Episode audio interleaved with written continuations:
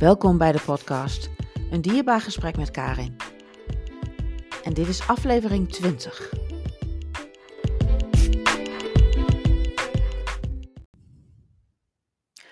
Welkom bij deze nieuwe aflevering van mijn podcast. Vandaag heb ik een gesprek met Suzanne Deggering. Zij is psycholoog en we gaan een gesprek hebben over verlies en rouw, maar ook over mediumschap. Want Suzanne en ik hebben elkaar via het mediumschap leren kennen. En ik wil je vragen om je voor te stellen, Suzanne, aan de luisteraars. Zeker. Nou, allereerst wil ik toch nog even zeggen dat ik het superleuk vind om in jouw uh, podcast uh, te zijn. En uh, ik heb heel veel zin in vandaag. Nou, zoals je al zei, ik ben Suzanne Degering. En ik ben psycholoog, maar heb ook een gave voor het mediumschap. En dat combineer ik ook in mijn werk als, als psycholoog zijnde. Um, enerzijds de, de, wetenschappelijke psychologische methode en, uh, en anderzijds ook het uh, energetische werk. Mooi. En waar, waar, van waaruit welke mooie stad in Nederland uh, ben je gevestigd? Ik woon in Amsterdam en daar zit ook mijn praktijk. Um, maar nou ja, hè, tegenwoordig, zeker sinds corona, komen veel mensen ook bij mij online. Dus uh, ja, ik zie mensen uit, uh, uit verschillende hoeken en streken. Ja, mooi. En um, nou ja, we hebben natuurlijk al wel een beetje voorgesprek gehad, maar kun je iets meer vertellen over hoe mediumschap op jouw pad is gekomen? Ja, dat is nogal een verhaal. Um, ik, of tenminste, toen ik het mediumschap ontdekte, toen werd er vanuit de spirituele wereld gezegd dat er eerst een basis nodig was. En dat begon, denk ik, zo rond 2013, 14. Uh, dat ik op Vipassana meditatie ging. Voor de mensen die dat niet kennen, Vipassana meditatie is een, um, een tiendaagse ja, retraite waarbij je tien uur op een dag mediteert voor tien dagen lang. En het is meer, niet een retraite, hè, waar, wat we vaak nu zien met, uh, nou, met cocktails en uh, in luxe. Maar je moet je meer voorstellen dat het uh, is alsof je bij de monniken gaat zitten. Ja. En dat is nodig geweest om eigenlijk mijn geest te verscherpen. Zodat ik veel meer, veel beter kon waarnemen. Ik ontdekte toen dat ik hooggevoelig was. Maar ja, misschien nog een, in een soort uh, ja, overspoeld werd door alle prikkels, waardoor ik gewoon nog helemaal niet zuiver had van hè, wat is nu wat? Wat voel ik nou? Wat neem ik weer van, van waar van mezelf of van een ander of van de spirituele wereld? Dat liep nog allemaal door elkaar heen. En de Vipassana meditatie heeft mij aangeholpen om dus veel meer helderheid te krijgen over wat ik voel. En vanuit daar, ja, uh, ja, werd mijn nieuwsgierigheid eigenlijk aangewakkerd van wat is dat, wat gebeurt er allemaal, wat neem ik inderdaad waar, ben ik me erin gaan verdiepen en was het een hele zoektocht om toch ook um, kritisch te blijven van wat is kwakzalverij en wat niet. Tot Um, en toen hebben er een hele reeks aan bijzondere ervaringen zijn op mijn pad gekomen. Te denken aan dat ik zelf ging mediteren en dacht, goh, als er meer is, hè, nou laat maar horen dan. En, ja. uh, en dat mijn, uh, mijn gids toen doorkwam, um, waarvan ik toen nog helemaal geen besef had dat ik eigenlijk toen al bezig was met mediumschap. Maar natuurlijk wel versteld stond van, oh wat is dit? Um, tot aan familieopstellingen, uh, intuïtieve cursussen, nou, dat soort uh, zaken allemaal uh, ervaren. en mijn zus ging door hetzelfde, ehm, ja, hetzelfde traject eigenlijk, of proces heen. En die um, ontdekte toen, doordat iemand anders haar adviseerde om naar het Arthur Findlay College te gaan, ja, wat als ik het goed zeg, werelds grootste psychic center is en waar het mediumschap uh, wordt geleerd. Um, zij dus het mediumschap ontdekte, dat is gaan uitproberen en daar een hele mooie ervaring heeft gehad en zei, jij moet ook gaan. En uh, nou, vervolgens ben ik gegaan. En uh, eigenlijk aan het begin van mijn ontdekking van het mediumschap ben ik jou natuurlijk uh, tegengekomen. Ja. ja. In zo'n week, ja. Ja. Ja, nou dat kan me zeker nog uh, goed herinneren. Dus dat is uh, nou, leuk om, om elkaar nu na zoveel jaren, nou ja, daarna weer opnieuw te spreken. En te zien dat we dat allebei, het mediumschap, juist in ons werk gebruiken. Nou, dat vind ik zeker heel mooi. Ja, dat was een hele mooie ontmoeting. Ja, en hoe staan de mensen die jij begeleidt tegen, daar tegenover dat jij nou ja, ehm, eh, intuïtief, uh, nou ja, juist jouw mensen begeleidt of traint? Of, die mensen die bij mij komen? Ja. Ja, ik zie dat ehm, eigenlijk veel mensen zich juist aangesproken hè, voelen door, door mijn verhaal. En um, dat die graag door mij geholpen worden, omdat ze meestal in het reguliere circuit er tegenaan lopen Ehm, dat het niet helemaal matcht met hun zienswijze hè, of hoe zij in, uh, in de wereld staan. En uh, zelf ook merken van ja, goh, ik kan van alles wel denken vanuit het hoofd. Maar wat er mist is inderdaad op die onderlaag dat gevoel om daar ook een, een shift in te maken. En uh, ja, met het hoofd weten we heel vaak veel. En ik zeg ook wel eens van het is geen rocket science uiteindelijk allemaal. Um, maar op gevoelsniveau kan er dan een blokkade zijn, waardoor het toch niet lukt om uh, ja, uh, bijvoorbeeld bepaald gedrag te vertonen of je anders te voelen dan dat je zou willen. En dan is het heel fijn als er iemand is die uh, op dat niveau ja, je wat handvatten kan, kan aanreiken. Um, dus dat is enerzijds. En ehm, Daarnaast is het ook gewoon dat ehm, het wel wisselt. Want er zijn ook gewoon mensen die het wat meer ver van hun bedshow is. Zeker als het gaat om het mediumschap. Dat herken jij misschien ook wel. En tegenwoordig is het wel dat veel mensen begrijpen: oké, er is meer. En er uh, energie. Daar kunnen we ook nog wel uh, over begrijpen dat dat er is en dat je daarmee kan werken. Maar dat er echt overledenen zouden zijn die nog, uh, nog een heel leven zeg maar, hebben na de dood. Ja, ik snap dat dat ver van, uh, van iedereen's bedshow uh, kan zijn. Um, en daarin zeg ik ook van ja, je hoeft het niet te geloven. het gaat erom wat je, wat je ervaart. En, en, en als het helpt, ja, baat het niet, dan schaadt het niet.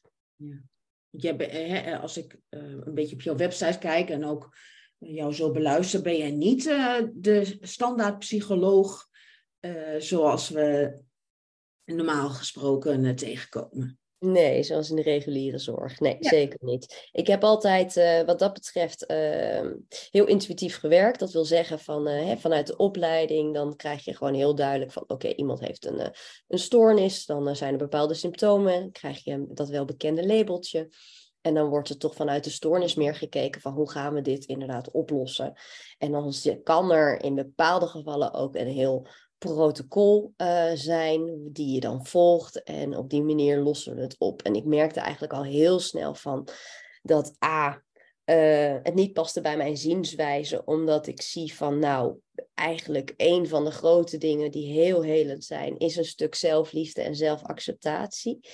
En hoe moet je dan hoe kan ik aan iemand verkopen van, nou, er is helemaal niks mis met je als ik er eerst een stoornis en een label aan hang. dus dat, dat, uh, dat ging al eigenlijk tegen, tegen mijn uh, kernwaarden in. Um, en ten tweede merkte ik dat, um, ja, dat het gewoon bij mij echt wrijving gaf om uh, per sessie een protocol te volgen. Terwijl ik gewoon een mens voor me heb die op dat moment, ja, misschien hele andere behoeftes heeft. En die ik dat heel makkelijk me, zou kunnen geven. Uh, maar strikt als ik me aan de protocol zou moeten houden, dat dan iemand daarvan uh, onthoudt. Dus ehm, ik heb al heel snel de keuze gemaakt om te zeggen: oké, ik ga niet dat hele reguliere pad inslaan. heb daarom veel psychologen ja, die kiezen voor om verder te ontwikkelen. En het is een beetje ja, uh, de standaard dat mensen zich willen doorontwikkelen tot GZ-psycholoog. Uh, want uh, in het psychologenland heb je dan een bepaald aanzien eigenlijk. Het, en dan word je in ieder geval door de basisverzekering vergoed. Nou, daar heb ik heel bewust voor gekozen om dat niet te doen. Omdat ik dus het zo belangrijk vond om wel gewoon te kunnen behandelen waarvan ik dacht dat dat veel dienender was voor, voor mijn cliënten. En, en dat was intuïtief. En eigenlijk vanuit het intuïtieve werken merkte ik dus langzaam, hé, hey, maar um, wat ik nu doe en wat ik nu aanvoel, dat gaat verder dan gewoon mensenkennis, want daar heb ik het heel lang onder geschaard. Uh, en uh, kon ik op een gegeven moment ook merken van ja, wat ik aanvoel is niet alleen maar inderdaad uh, een stukje vanuit non-verbale communicatie misschien van mijn cliënt, maar dat ik ook echt bijvoorbeeld de emoties kon, kon waarnemen bij een ander. En uh, zonder dat ik het wist, toen ja, ontdekte dat ik eigenlijk helderziend en, en heldervoelend vooral. Dus zo, zo is het eigenlijk bij mij op mijn pad gekomen, de spiritualiteit. En heb ik me ontwikkeld van, van reguliere psycholoog naar ja, een wat meer alternatieve manier van behandelen. Hmm. Mooi. Ja, dank je. En dat ken jij volgens mij ook vanuit je werk. Um, ja, dat klopt. Um, als ik uh, nu. Uh, ik, mijn mediumschap is eigenlijk al eerder op mijn pad gekomen dan mijn verlies- en rouwcoaching. Ja. En.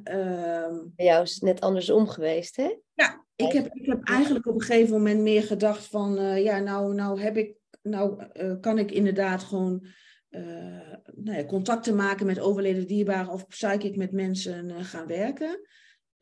Maar dat is voor veel mensen een beetje, nou ja, een ver van je bedshow. Ja. En ben ik gaan kijken om het onder een, nou ja, wat meer aardser level onder coaching, verlies- en rouwcoaching te hangen. Ja. Waardoor, het, ja, waardoor het beter aanvaard wordt. Ja. natuurlijk zijn er mensen die bij mij komen die ja, spannend vinden of die, die het, het nog niet benoemen.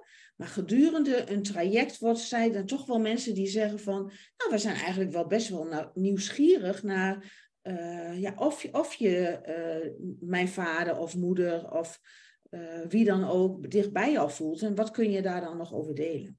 Ja, en dat herken ik. Dat zie ik ook veel. Dat de mensen die bij mij zijn gekomen, zeker als het gaat om rouw van een, en verlies van een dierbare, dat ze ook vaak zelf ineens merken dat ze iets voelen. En, en of daarin een bijzondere ervaring opdoen. Ik weet nog heel goed dat er een cliënt was en uh, die vertelde dat op de weg naar de, naar, uh, de begrafenis toe, dat het lampje van de autogordel branden of niet branden. In ieder geval leek het alsof daar dus iemand zat. Alsof diegene die overleden was in de auto zat. En toen op de terugweg, toen was dat in één keer niet meer in, uh, in die indicator. En dat soort kleine dingen waar je normaal misschien niet eens bij stilstaat of wat bij uh, vooral voelt. Maar zij voelde gewoon dat het meer betekenis uh, had. En daardoor stonden ze dan ook automatisch misschien ook meer open om te horen hè, wat ik inderdaad uh, doorkreeg. Um, dus, dus dat soort ervaringen, die herken ik inderdaad wel. En jij hebt natuurlijk dat je echt inderdaad op rouw en verlies zit. En bij mij is het um, wat meer op de hechtingsproblematiek. Dat eigenlijk waar er ook problemen zijn in het leven, dat het gewoon heel erg fijn is als je er niet alleen voor staat. En dat er vanuit iets hogers, noem het uh, universele intelligentie, uh, dat je die bron kan aanboren en vanuit daar hulp krijgt. Dus ja, ik zet, de, ik zet de hulp weer misschien op een andere manier in. Ja, maar ja, dat, dat is juist gewoon heel mooi dat uh, ja. hoe je het ook inzet, dat als het maar werkt. Ja, zeker. dat is eigenlijk zeker. het allerbelangrijkste, dat je uh, cliënt uiteindelijk na een traject bij jou, nou ja, wat ik bij jou zie, ook lichter kan leven en, het, en zichzelf en het leven weer kan omarmen. Dat is ja, waar ik ook naar streef. Want je, ja. je bent uiteindelijk niet je verlies of je verdriet. Nee, precies. Hè? Mens is inderdaad veel meer dan dat. En uh, kijk, het scheelt bij mij uh, dat ik natuurlijk uh, de zogenaamde titel als psycholoog heb. Ehm, waardoor mensen wel weten dat ik gewoon gedegen werk. Dus dat scheelt ook dat veel minder hoef te bewijzen. Ja.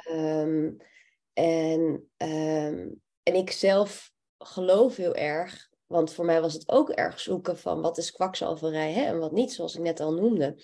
Ehm, dat um, er heel veel mensen zijn die zogenaamd verkondigen dat ze spiritueel zijn, maar inderdaad, uh, nou, ergens een, een beetje een mooie show van weten te maken. En er zijn gewoon gedegen mensen zoals jij en ik, die um, proberen kwalitatief werk te leveren en echt uh, goede hulp uh, te geven aan, aan cliënten. Um, waarbij, het, waarbij het zuiver is.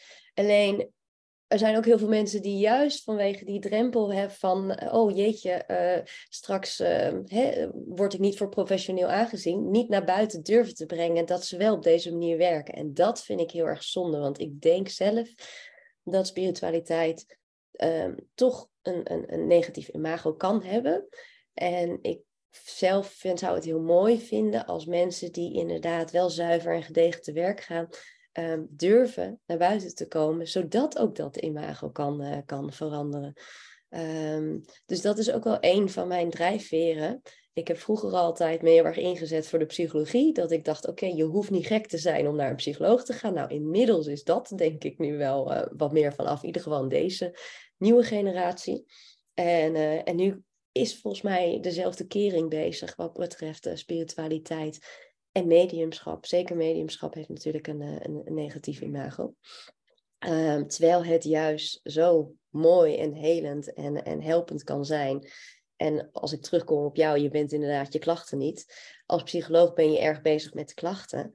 Um, en ik zeg wel eens, het is dat ik mensen uit het rood help, zodat het weer neutraal wordt. Maar vervolgens wil ik daar niet bij blijven. Als je dat eenmaal hebt geproefd, hoe, ja, hoeveel beter het leven kan worden als je inderdaad klachtvrij bent, ja, dan, dan blijft het daar niet bij. Dan wil je ook doorpakken. En dan kan er ook weer zoveel magie uh, hè, ontstaan en, en, en ervaren als je ziet dat er nog zoveel meer is. En, en dat is gewoon, ja, vind ik heel gaaf. Om als een klein kind helemaal verwonderd te worden. En uh, uh, ja, je te laten verrassen door de spirituele wereld. En dat is wat ik mensen ook toewens. Ja, maar er zijn ook nog zoveel gezonde delen in jou. Hè? Waarom zou je uh, je altijd nog weer heel erg in dat verdriet of je, je trauma gaan, gaan zinken en, en, en daar naar kijken? Terwijl je ook kunt denken van ja, ik ben nu een, een, een volwassen Karin en Suzanne. En ik kan, daar, ik kan daar met een andere blik naar kijken dan dat ik daar toen als kind in heb gezeten. Ja, zeker. Ja. En, en, en daar helpen, hè, en ik weet niet hoe, hoe dat bij jou is, het mediumschap, hè, die, dat intuïtieve afstemmen op die ander, helpt mij daarbij om, om juist die vragen te stellen, waardoor mensen heel erg aan het denken worden gezet over ja, wat ze allemaal nog wel zouden willen. Ja, precies. Ja, ja dat je ze even buiten hè, hun bestaande kader weet te brengen. Ja. Ja, en dichterbij wat ze ja, op zielsniveau, misschien moet ik het zo maar gewoon noemen, ja, echt willen. En waar ze echt van op aangaan. En wat weer, uh, wat weer dat uh, vonkje. Uh... Want ik zie ook dat jij familieopstellingen doet. Ehm, gebruik je dat ook bij je één op één coaching of doe je dat in de groep? Ik doe het beide. Ehm, het kan inderdaad één op één. Ehm, met een tafelopstelling of met vloerankers. En uh, ja, dan, dan kan dat zeker heel prettig zijn. Zeker omdat veel mensen het ook altijd toch een beetje spannend vinden om gelijk in een groep zich uh, kwetsbaar op te stellen en alles bloot te geven van wat, wat er afspeelt, zeker ook in de familie.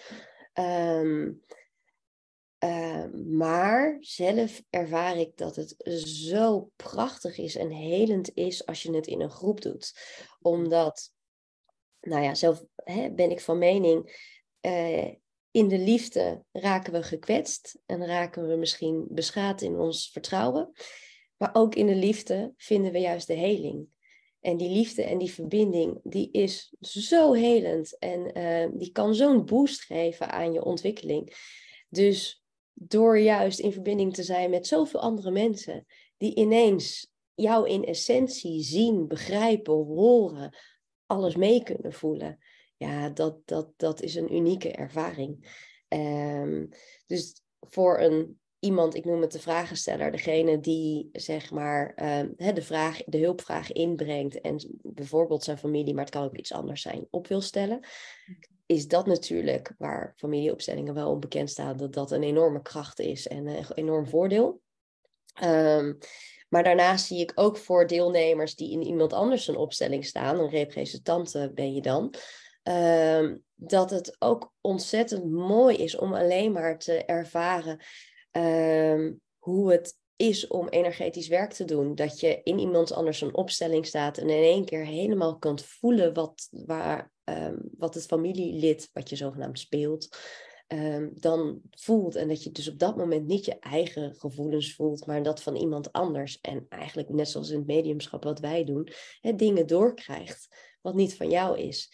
En ik zie dat veel cliënten van mij dan ineens merken, oh, wat ik voel, dat kan ik vertrouwen. En wat ik voel, dat heeft betekenis.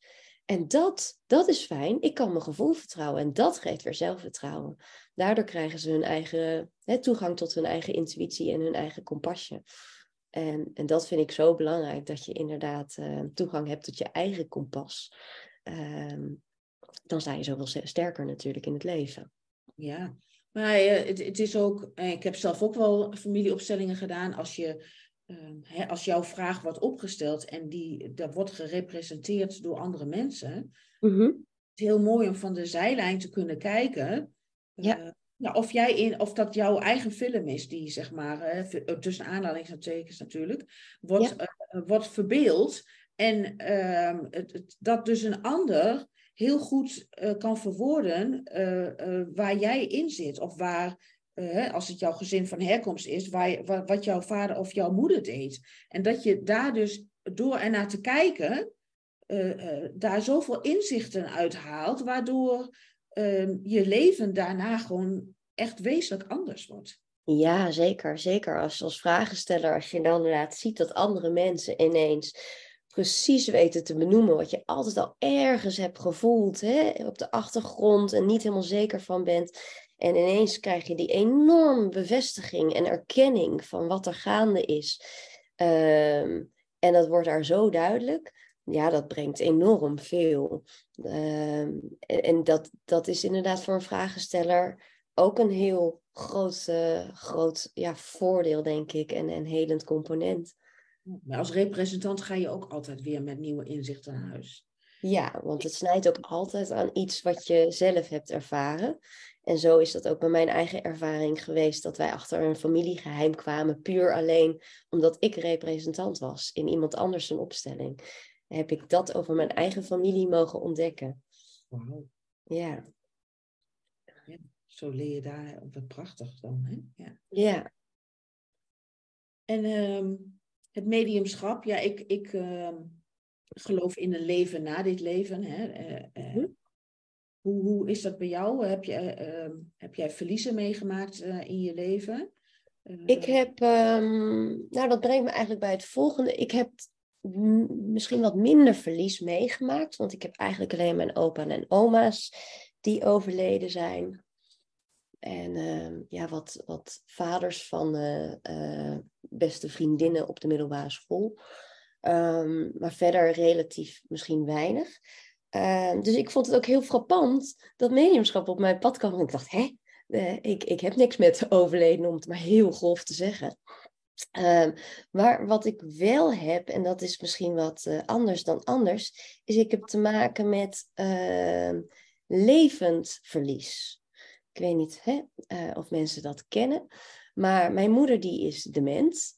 Uh, die heeft sowieso een historie van uh, veel psychische problematiek. Zij heeft al, nou, ik denk rond de 56ste de stempel gekregen van een bipolaire stoornis met wanen. En daarna kreeg ze een, een ja, specifieke vorm van dementie, waarbij je wat minder, zoals hè, het klassieke beeld, allerlei dingen vergeet. Uh, maar meer problemen in motoriek en op een gegeven moment in spraak en dat soort dingen. En we hebben zeker de afgelopen vijf jaar uh, dat je gewoon merkt dat ze er soms niet helemaal meer is. En um, het, ja, wat een bijzonder verhaal is dat wat ik zie is dat mijn cliënten, ja, ik help mijn cliënten natuurlijk, maar mijn cliënten helpen mij ook altijd. En ik heb, poeh, ik denk net toen dat mediumschap ontdekte, dat ik ineens aanvoelde, oh, mijn moeder die gaat eerder ja, weg, overlijden. Die overlijdt eerder dan mijn vader. En op dat moment was dat geen naarbesef. Maar ik was eigenlijk heel gek genoeg heel blij. Ik voelde een soort vreugde van ja, maar dit is niet het einde. Want ik weet nu dat ik met haar contact kan blijven behouden. Mooi. En dat heb ik ook door de jaren heen zo ervaren. Zij is dus steeds um, zieker geworden en steeds meer dat ze er niet helemaal meer is en dat we moeilijk met haar in gesprek kunnen. En wat bij haar vooral wegvalt is de emotionele kant. Dus um, je praat bewezen wel met een robot en er komt weinig meer uit. Um, maar in het mediumschap, dan, en zeker via andere studenten, dan komt ineens uh, komt ze door. Want bij dementie is het zo, en dat weten ook veel andere mediums, uh, tenminste dat heb ik zo ervaren in ieder geval, niet alle mediums weten dat, uh, dat dus ja, diegene eigenlijk al half vertrokken is naar, misschien moet ik maar gewoon de andere wereld het noemen. En dan via de andere wereld dan uh, komen, ze, komen ze af en toe, komt ze dan door en dan krijgen we dingen te horen. Wat bijzonder. Ja. ja. Maar dat is, ja, ja, dus jij, jij hebt al, uh, nou ja, levend verlies. Ik, ik zal het ook even uitleggen, uh, want niet alle luisteraars weten uh, dat. Levend verlies is dus eigenlijk dat je ja, te maken hebt of met een dementerende moeder of, of, of zelf ongeneeslijk ziek bent. Dus dat je eigenlijk al afscheid neemt tijdens het leven hè, van jezelf of van iemand anders. En ja. dat stukje bij beetje gaat, loopt dat eh, die gezondheid natuurlijk terug. Dus is dat, uh, ja, is dat, kan dat ook best heel heftig zijn. Het is zeker heftig. Ja. Um, ik denk sowieso goed uh, ja, dat, uh, dat ik gewoon. ik kom uit een, uit een complexe gezinssituatie. En daar heb ik mijn nou, potje trauma en jeugdtrauma en complex trauma zeker ervaren. En het mediumschap heeft mij dus ook heel erg geholpen om uh, support, steun uh, en, en heling te vinden om eigenlijk dat hele trauma te verwerken. En ja, het is nog steeds gaande. Het toeval wil dat uh, terwijl we hier nu praten, ze net een paar dagen geleden is opgenomen in het ziekenhuis. Um, en wij ervoor hebben gekozen om haar te laten versterven. Dat wil zeggen, ze wil niet meer eten, ze wil niet meer drinken. En ehm, dat betekent dat ehm, ja, dat we nu zeggen van goh, hè, willen we haar nog dan kunstmatig of onder dwang in leven houden door haar te voeden? Nou nee, want ze heeft al in 2018 volgens mij aangegeven dat ze eigenlijk niet meer wilde leven, maar ze was toen te bang om echt euthanasie uh, te plegen. Uh, maar we weten wel dat er zoveel lijden is dat we zeggen, ook, en ook bij mijn vader, want die, de mantelzorg wordt voor hem echt te veel, dat we hebben besloten, oké, weet je, we laten haar gaan. En uh, ik kan er denk ik met deze rust over, over praten. A, uh, omdat ik ja, een ingewikkelde band met haar heb. Tuurlijk hou ik van haar en ze is mijn moeder, maar ik heb ook weinig liefde van haar gehad. Dus ik, heb ook weinig om te missen. Dat is aan de ene kant. En aan de andere kant, wat je net al zei over dat het levend verlies, hè, dan levende rouw ik heb ook al heel erg gerouwd door de afgelopen jaren. Heb, ja, neem je afscheid in fases, elke keer weer. Um, en ze bestaat voor mij nu op twee plekken tegelijkertijd. Ja. Ja. Nou, dus dit, dit, dit is eigenlijk wel. Nou, deze dagen zijn e-, extra bij, bijzonder om uh, als familie dan ook uh, samen uh, doorheen te gaan. Zeker, zeker. ja. ja. Het fijne is dat mijn vader wel heel erg open staat voor, die gelooft ook in leven na de dood. En die staat ook, ook open voor de spirituele wereld. Dus die vraagt ook aan ons uh, van hè, wat, wat, wat heeft het leven voor mij in petto nadat uh, dat ik mijn partner verlies. En, uh, en dat is heel fijn dat ik hem ook kan zeggen van joh, als je wilt, hè, dan gaan we gewoon samen zitten. En dan gaan we aan de spirituele wereld vragen wat en hoe verder. En ik heb al heel vroeg doorgekregen um, dat de moeder van mijn moeder, mijn oma, haar staat op te wachten. Hè, om haar eigenlijk te begeleiden. En dat ze gewoon eh, in goede eh, handen is. En dat ze, met de, dat ze warm ontvangen zal worden. Uh, dus dat, dat ehm, ja, voelt voor mij natuurlijk ook heel rustig daarom om haar op deze manier te laten gaan. En sterker nog, ik weet dat ze heel erg aan het vechten is omdat ze het heel eng vindt om te gaan. Terwijl, ja, ik al jaren geleden tegen haar heb gezegd, het is goed zo. Weet je, je hoeft niet bang te zijn. Ja, maar goed, het, eh, het, tegen iemand zeggen en, en het daadwerkelijk zelf voelen, zijn ja. twee verschillende dingen. Hè? Ja. ja. natuurlijk. En het is ook mens eigen om dat iets heel, heel engs en spannends te vinden. Snap ik ook. Ja, zeker. Nou, ik, vind, ik vind het een, uh, eigenlijk wel een hele mooie om uh, dit gesprek mee af te sluiten. Ja. Of is er nog iets, eh, Suzanne, wat ik ben vergeten te vragen aan jou, wat jij nog wel heel graag wil delen met de luisteraars? Nou, wat misschien, het is wel even een verhaal, wat misschien nog wel mooi is om te benoemen, is het, uh, het verhaal hiervoor. Ik zei net cliënten die, ik help cliënten, maar cliënten helpen mij. Hm? Uh, eigenlijk toen dat mediumschap uh, op mijn pad kwam, toen uh, had ik een cliënt en, uh, en die leek uh, eigenlijk als twee druppels water op mijn ex-vriend. En ik dacht, goh, wat een uh, grapje van het universum dat ik deze man wel mag veranderen. Want toen destijds in mijn relatie dacht ik, oh nee, ik moet niet de therapeut in mijn relatie zijn. Hè, maar deze man mocht dat wel. En hij gaf aan dat hij iemand aan het daten was, waarvan hij ook wilde uitkijken dat hij ervoor wilde waken dat hij niet haar ging helpen, maar dat zij zichzelf uh, vooral bleef helpen en de eigen verantwoordelijkheid nam. Dus hij stuurde haar naar mij. En toen ik haar ontmoette, was het alsof ik in een spiegel keek. En toen dacht ik, nou, het universum is echt met me aan het dollen. Want nu krijg ik koekje van eigen deeg. En het was alsof ik elke keer een week voorliep Um, waardoor ik haar net elke keer de volgende stap kon aanreiken in haar proces. Maar wat was er bij haar gaande, was dat zij moeilijk verantwoordelijkheid voor zichzelf kon nemen, omdat ze stiekem uh, de zorg voor haar moeder op zich aan het nemen was. Emotioneel was ze nog voor haar aan het zorgen. En toen ze besloot om dat niet meer te doen en eigenlijk echt ja te zeggen tegen haar eigen leven, toen voelden wij dat op energetisch niveau, op een dieper niveau, haar moeder dat accepteerde, maar dat haar moeder ervoor had gekozen om het leven niet aan te gaan. En prompt kreeg haar moeder kanker. Eh, of in ieder geval, ze werd ziek. En, ehm, en wij wisten, en zij vond het heel spannend, om haar moeder dezelfde acceptatie te geven van ook jij mag nee tegen het leven zeggen. Ze had het idee natuurlijk dat als ze dat zou doen, dat de moeder gelijk weg zou zijn we hebben een jaar naartoe gewerkt om ehm, die acceptatie en berusting te, te krijgen dat ze haar moeder kon laten gaan. Uiteindelijk uh, heeft zij die berusting gekregen. Ze voelde dat het voor iedereen fijner was. De moeder zou rust krijgen als ze overging. De vader en de zusje konden ook weer verder met hun eigen leven. In het proces weigerde de moeder het advies van de artsen op te volgen haar eigen familie snapte er niks van waarom de moeder zo koppig was en niet koos voor het leven, maar wij wisten wel anders. Uiteindelijk is haar moeder overgegaan. Zij had de rust. Ze is in het wit, geloof ik, naar de begrafenis of uh, crematie, ik weet niet meer wat het was, gegaan. En ze twijfelde of ze haar verhaal zou delen met, uh, met iedereen daar. Ze heeft een tarotkaart getrokken en daarop stond spreker van God.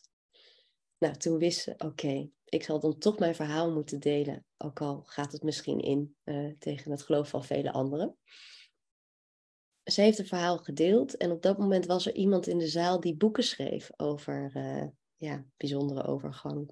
Ik weet niet, over de dood. Dus ik vond het heel mooi om te merken, hé, hey, haar verhaal is echt de wereld ingebracht. Zij heeft rust gevonden. Op het moment dat haar moeder ook overging, lag ze aan het infuus. Het infuus stond op dat moment uit. En ze, zei, en ze voelde dat de aanwezigheid van de moeder er nog was, terwijl ze overleed. En ze zei, mama, je bent er nog, hè? En het infuus knipte aan. Oh, wauw. Vervolgens zei ze ook, en oma, jij bent er ook, hè? En toen piepte het infuus. Hmm. Heeft ze heel veel signalen gekregen. Nou, naast dat dit alles hè, een heel bijzonder verhaal is en dat ik het echt een eer vond om haar in dit te begeleiden, drong het bij mij door toen mijn moeder zei dat ze niet meer wilde leven. Ik heb hetzelfde te doen. En de spirituele wereld heeft mij via deze cliënt al voorbereid om ook het proces in te gaan van acceptatie, zodat ik mijn moeder kan begeleiden ehm, in haar angst om dood te gaan. Hmm. Ja. En heb je dat goed kunnen doen? Ik hoop het.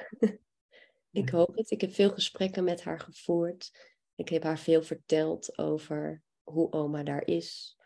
Ik heb haar bepaalde boeken laten lezen. Ehm, ja, die heel warm zijn en fijn zijn over, over de dood, over gangen, nou, wat er allemaal nog volgt. Ehm, we hebben haar gerust kunnen stellen over mijn vader. Ja. Dus uh, ja, we zullen het nooit weten. Nee. Op mijn gevoel heb ik dat wel kunnen doen. Ja, ja. ja goed. Eh, weet je, dat is. Uh, ja, in, in deze. Uh, jij hebt nog verder te leven. Hè? Dus als het voor jou ehm, goed voelt, dan is, is dat ook al heel fijn. Ja. Hoe, hoe is dat voor je zus? Voor mijn oudere zus, ik, heb nog een, ik heb een jongere zus en een oudere zus. En mijn oudere zus die doet ook het mediumschap. Die heeft ook toen al van de spirituele wereld getoren gekregen van je zal, hey, je, zal je moeder uh, begeleiden in het, in het uh, stervingsproces. Um, en um, ja, zij voelt dat ook heel erg. Zij um, draagt mijn moeder emotioneel veel meer dan ik. Hmm. en zij is de, eigenlijk in de de, ja, wat is het, vorige week was ook heel erg bezig om mijn moeder los te laten. En uh, in die dagen kreeg, werd, kreeg mijn moeder een epileptische aanval, waardoor ze in één keer in het ziekenhuis belandde. Dus het voelt ook echt alsof mijn zus nog een soort van het laatste kortje heeft doorgesneden. Uh, ja, waardoor dit nu uh, op, ja, in gang is gezet. Ja, ja, ja. ja. ja. Maar het, het voelt voor ons allemaal wel heel kloppend. Mm. Ja. En wij zijn gewoon dankbaar hè, dat, dat, dat we zoveel support vanuit die spirituele wereld krijgen. Ja, maar ook wat je het proces betekenen. Hè? Dat... Ja, ja. ja, ja. En dat wilde ik nog eventjes delen, om, uh, omdat ik denk dat dit verhaal heel duidelijk maakt. Van, ja, uh, hoe mooi is dat? manieren. Ja, ja dat, dat je nou ja, uh, als psycholoog, maar ook in mijn geval als, als coach, dat je inderdaad uh, uh, ook van je cliënten kunt leren door uh, nou ja, hoe mensen in het leven staan. maar ook hoe ze met, met bepaalde nou ja, verliezen of, of levensgebeurtenissen omgaan. Ja, precies. Precies. Ja. ja. Nou, dankjewel voor dit fijne gesprek, Suzanne. En we gaan elkaar natuurlijk nogmaals treffen, want ik ben ook nog een keer te gast bij jou in de podcast. En daar kijk ik heel erg naar uit. En de luisteraars wil ik heel erg bedanken voor het luisteren. En heel graag tot de volgende keer. Ja, nou, heel erg bedankt voor jouw interesse. En uh, ik vond het een ontzettend fijn gesprek. En ik zie, kijk er ook naar uit om jou volgende keer in mijn podcast welkom te heten. En dan uh, zetten we ons gesprek lekker door. En ik wens je heel veel sterkte bij uh, nou ja, het, het, het laatste stukje leven met jouw gezin in de begeleiden van je moeder.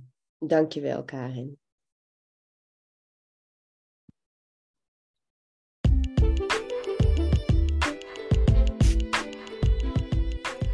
Dankjewel voor het luisteren naar deze aflevering van mijn podcast.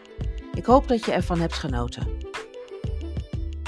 Ben je nu, naar aanleiding van de afgelopen aflevering van mijn podcast, erachter gekomen dat je ook eens je verhaal zou willen delen? Stuur dan een e-mail naar info.karinhafkamp.nl en dan ontmoet ik je graag. Wil je meer info over verlies- en rouwcoaching of wat een medium consult of een healing consult voor jou kan betekenen? Kijk dan eens op mijn website www.karinhafkamp.nl